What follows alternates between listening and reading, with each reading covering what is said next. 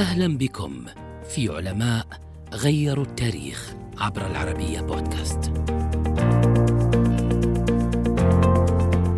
ياقوت الحموي هو شهاب الدين أبو عبد الله ياقوت بن عبد الله الحموي. كان اديبا ومستكشفا ورحالة ولكن نقطة تميزه هي علم الجغرافيا حيث اعتبر من أشهر الجغرافيين في العصور الوسطى عاش في القرن الثاني عشر للميلاد حيث ولد عام 1178 وتوفي عام 1229 ميلادية. تنقل كثيرا بين البلدان في صغره حيث ولد في أرض الروم أو في بلاد اليونان وأسر وبيع في بغداد. حفظ ياقوت القرآن الكريم وتعلم القراءة والكتابة في بغداد وأبدى شغفا بالعلم والمعرفة. اشتراه تاجر اسمه عسكر بن أبي نصر البغدادي الحموي وعامله مثل ابنه فحمل لقبه الحموي ورافقه في السفر للتجارة.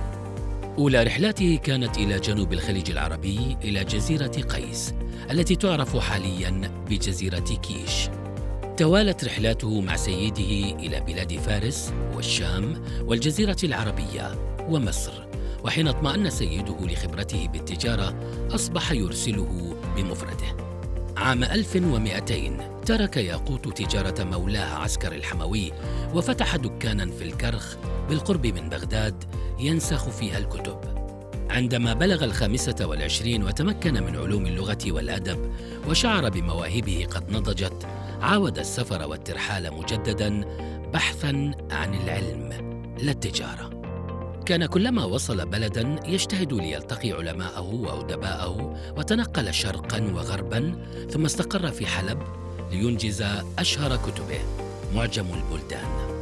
عاود السفر مجددا ليجمع المزيد من المعلومات الجغرافية وظل يصحح ويضيف إلى معجمه إلى أن توفي عام 623 هجرية الموافق 1225 ميلادية.